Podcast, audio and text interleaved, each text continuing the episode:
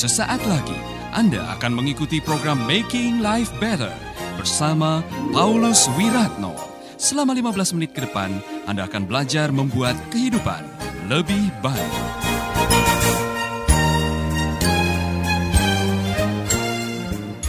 Saudara pendengar, saya senang sekali bisa berjumpa dengan Anda semua dalam program Making Life Better yang bikin hidup lebih baik. Dan tentunya kita sudah diberkati dengan hambanya dalam beberapa seri ini. Keajaiban demi keajaiban yang terjadi dalam hidupnya. Tapi ada satu hal yang Anda harus mendengarkan.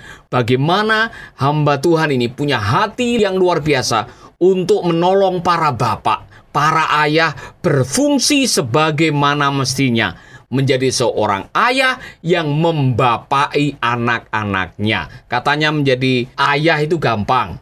Ya kan? Kalau Anda menikah kemudian Anda punya anak otomatis Anda menjadi ayah, tapi menjadi seorang bapak itu dibutuhkan sebuah terobosan dan pemahaman yang benar.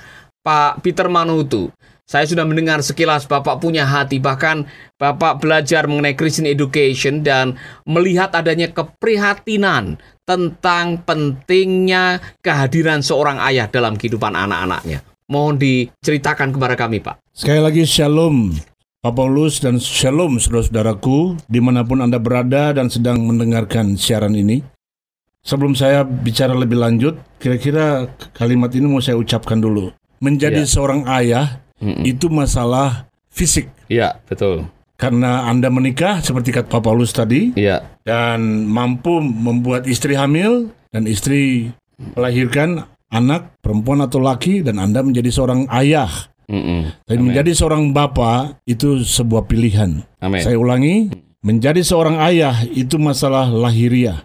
Tapi menjadi seorang bapak itu masalah pilihan. Nah, saya bersyukur kepada Tuhan bahwa saya membuat pilihan untuk menjadi seorang bapak bagi kedua anak-anak saya. Ya saudara jujur bicara saya pernah membuat kesalahan. Hmm. Bahkan sampai di Amerika juga Pak Paulus, Iya. saya pernah bikin kesalahan. Saya kemudian menerima sebuah pelayanan sebuah gereja etnik Indonesia Mm-mm. dalam denominasi Reform Iya. Amerika dan saya kemudian singkat kesaksian yang terlalu panjang ini saya menjadi pendeta dan gembala. Gembala sidang. Ya, saya kemudian ditabiskan menjadi pendeta Reform di Ya. Amerika Serikat. Nah, karena gereja ini dying church, sebuah gereja yang sedang sekarat waktu itu, Iya. Itu tahun 19 eh, penghujung tahun 90. Iya. Nah, saya masuk Amerika Serikat, saya ingat itu tanggal 20 Juli 1994. Krismon belum melanda Indonesia, Iya, iya. tapi per 1 Januari 1997 Iya.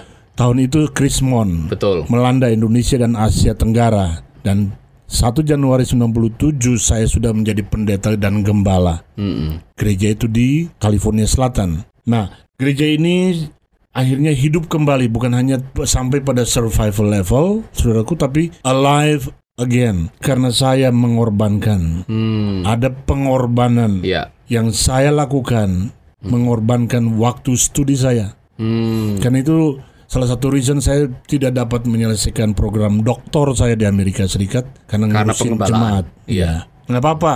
Saya tidak malu pulang ke Indonesia tanpa gelar doktor, tapi saya bicara di depan banyak yang gelar doktor di Indonesia Iya. in English. Iya. Dan satu pun dari mereka kelabakan. Hmm. Hmm. Iya, karena saya bilang orang Jawa bilang ojo dumeh Iya, betul. lan sembrono. Iya. Oke, jadi eh, saya Iya. pernah bikin kesalahan Mm-mm. Karena ngurusin gereja supaya gereja ini betul-betul menjadi tempat di mana orang-orang Indonesia yang tinggalkan Indonesia karena peristiwa tahun 98 itu Iya. melayani mereka istilahnya sambut merawat kami melayani Tuhan Iya. seperti Kolose 3:23 berkata apa pun yang kamu bikin bikin seperti untuk Tuhan Betul. bukan untuk manusia Betul. yang kami lakukan terhadap manusia Iya. tapi iya. itu sesungguhnya terhadap Tuhan. Karena itu saya tinggalkan anak-anak Billy dan Chris sendiri. I left them behind. Mereka ada di mana? Waktu ada di rumah, Di rumah. cuma sosok saya sebagai bapak tidak ada dalam kehidupan mereka. Artinya kesibukannya habis untuk mengurusi Habis. jemaat. Iya. Jadi tanpa saya sadari saya mengulangi apa yang dibikin papa saya terhadap saya. Wow. Saya harus berlutut dan menangis di kaki Tuhan, minta ampun kepada Tuhan. Dan minta Tuhan pulihkan saya kembali dan pulihkan Billy dan Chris supaya mereka bisa menyambut saya kembali. Dan betul itu terjadi. Mereka menyambut saya kembali dan mereka bikin rebellion mereka itu Mm-mm. dari studi mereka. IP mereka di IPK mereka GPA mereka drop Jeblok istilahnya. jeblok. Iya. Dapat surat dari sekolah menghadap guru-guru dan saya meng- mengaku. Saya bilang it was my sin. Hmm. Guru bilang excuse me. What did you say, Mr. Manuhutu? Apa yang anda ngomong? Iya. Saya bilang it was my sin. Hmm. What kind of sin is that? Saya meninggalkan Billy di belakang sendiri. Saya meninggalkan Chris di belakang sendiri. Tidak ada sosok bapak yang mendampingi Billy. Tidak ada sosok bapak yang mendampingi Chris. It's a sin against the Lord God. Iya. Setelah saya minta ampun dan Tuhan pulihkan saya, saya minta ampun pada anak-anak. Muka dengan muka saya ngomong dengan mereka dua secara satu-satu. Lalu kemudian karena peluk, cium dan katakan forgive papa, I love you. Amin. Itu saja membuat mereka kembali lagi dan GPA mereka waktu yang tidak lama zup naik. Ini menarik sekali, Pak. Jadi ada hubungan yang erat antara prestasi anak Anda masih bersama Paulus Wiratno di Making Life Better. Dengan hubungan anak dengan bapaknya. betul sekali Pak. Itu bisa diceritakan kepada Betul. kita semua ini. Jadi saudaraku dengar baik-baik. Ini dari data yang saya baca di sebuah artikel dikatakan uh, para psikolog atau psychologists Ya. menemukan adanya beberapa faktor yang bisa memperkirakan kesuksesan seorang anak. Ya. Dan yang mengejutkan, surprisingly, faktor itu ternyata ada pada bapak. Bapaknya. Sosok bapak yang hadir dalam kehidupan anak, prestasi akademi anak ini, kehidupan anak ini akan luar biasa. Luar biasa. Amin. Amin. Karena bapak itu harus jadi contoh. Amin. Bapak itu dalam kitab suci kita dibilang seorang imam. Ya. Karena itu Tuhan Allah Yahweh menegur keluarga bicara kepada bapak-bapak. Hei, ajar didik anak-anakmu pagi, siang, malam. Kamu duduk, kamu berdiri, kamu berjalan, kamu baring. Itu tugas. Ajarin. Jadi waktu Bapak hadir dan sosok Bapak dinikmati anak-anak, anak-anak secure Pak Paulus, Iya. saudaraku, mereka menikmati hidup mereka. Ya. Jadi ini menarik sekali karena Bapak juga tadi sempat menyinggung di chapel bahwa ada hubungan yang erat antara kenakalan anak-anak, hamil di luar nikah, mereka terlibat narkoba, Iya. drop out dari sekolah. Itu ada hubungannya dengan eh, tidak hadirnya ayah dalam hidup mereka. Betul, dan itu ada data dan yang saya baca juga di sebuah artikel di Amerika Serikat sendiri. Mm-mm. Jadi anak-anak yang datang dari keluarga yang tidak ada sosok bapak dalam kehidupan anak-anak itu dikatakan begini, 90% itu anak-anak run away from home. Ya. 90%. Iya. Gede banget itu Pak Paulus. Mm-mm, betul. 80% have behavioral disorders. Iya. Jadi anak-anak punya kelainan jiwa. Betul, betul.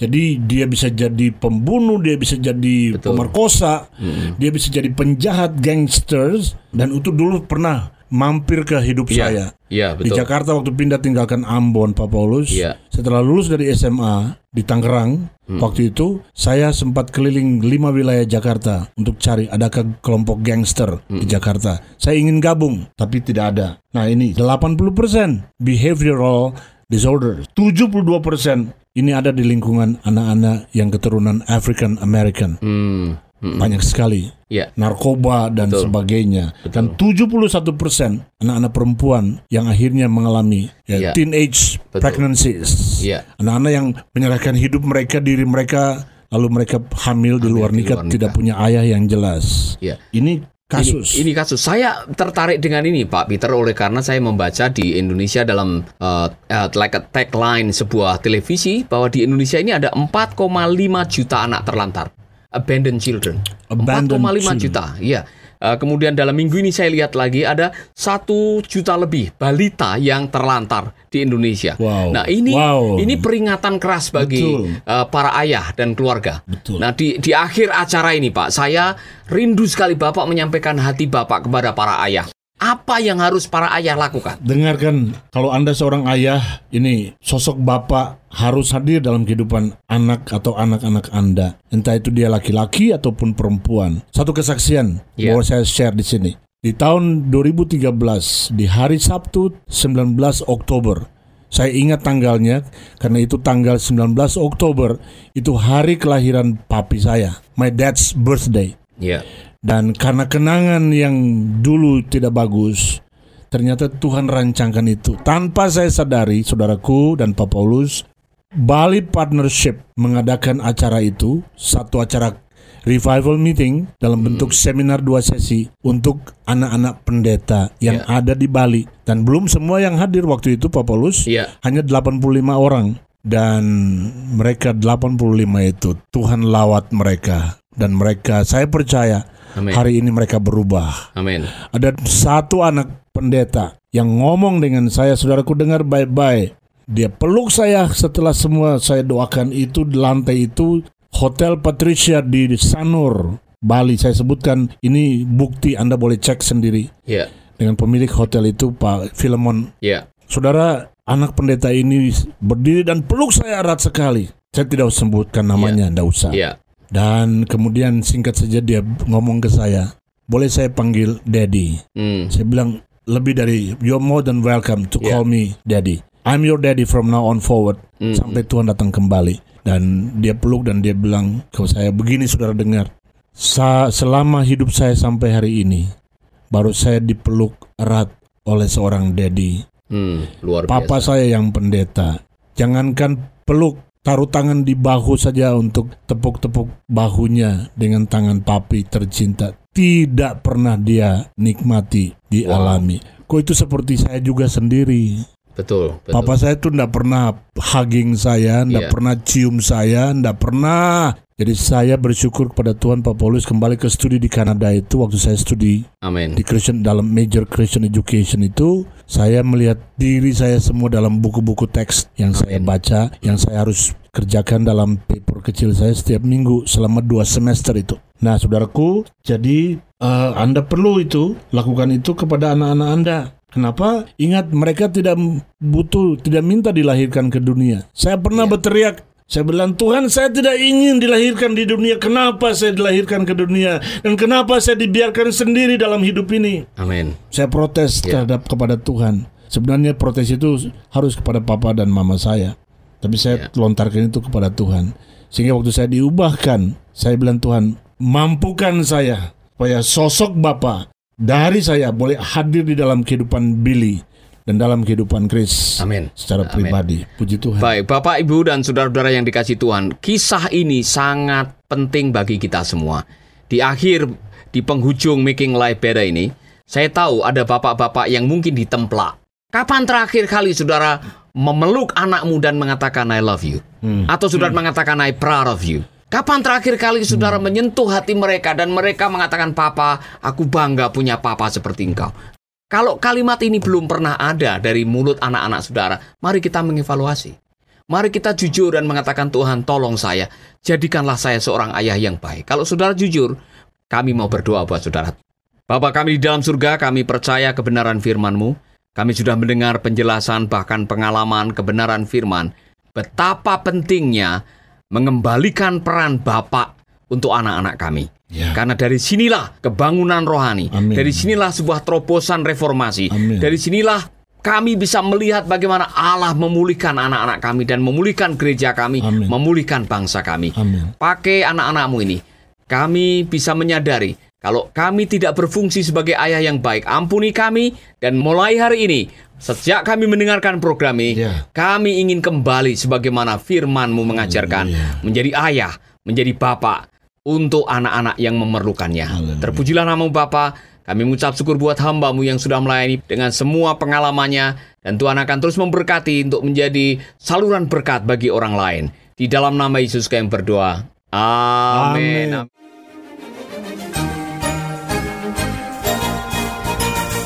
Baru saja Anda mendengarkan Making Life Better bersama Paulus Wiratno. Jika Anda diberkati, kirimkan kesaksian Anda ke Radio Dian Mandiri Jalan Intan LC2 Gang 4 Nomor 1 Denpasar, Bali. Kunjungi website kami di www.pauluswiratno.org Facebook Paulus Wiratno. Hubungi kami di 081 338 665500. Sekali lagi 081 338 665500. Terima kasih, Tuhan memberkati. Sahabat, Anda baru saja mengikuti program Making Life Better bersama Paulus Wiratno. Terima kasih atas kebersamaan Anda. Tuhan memberkati.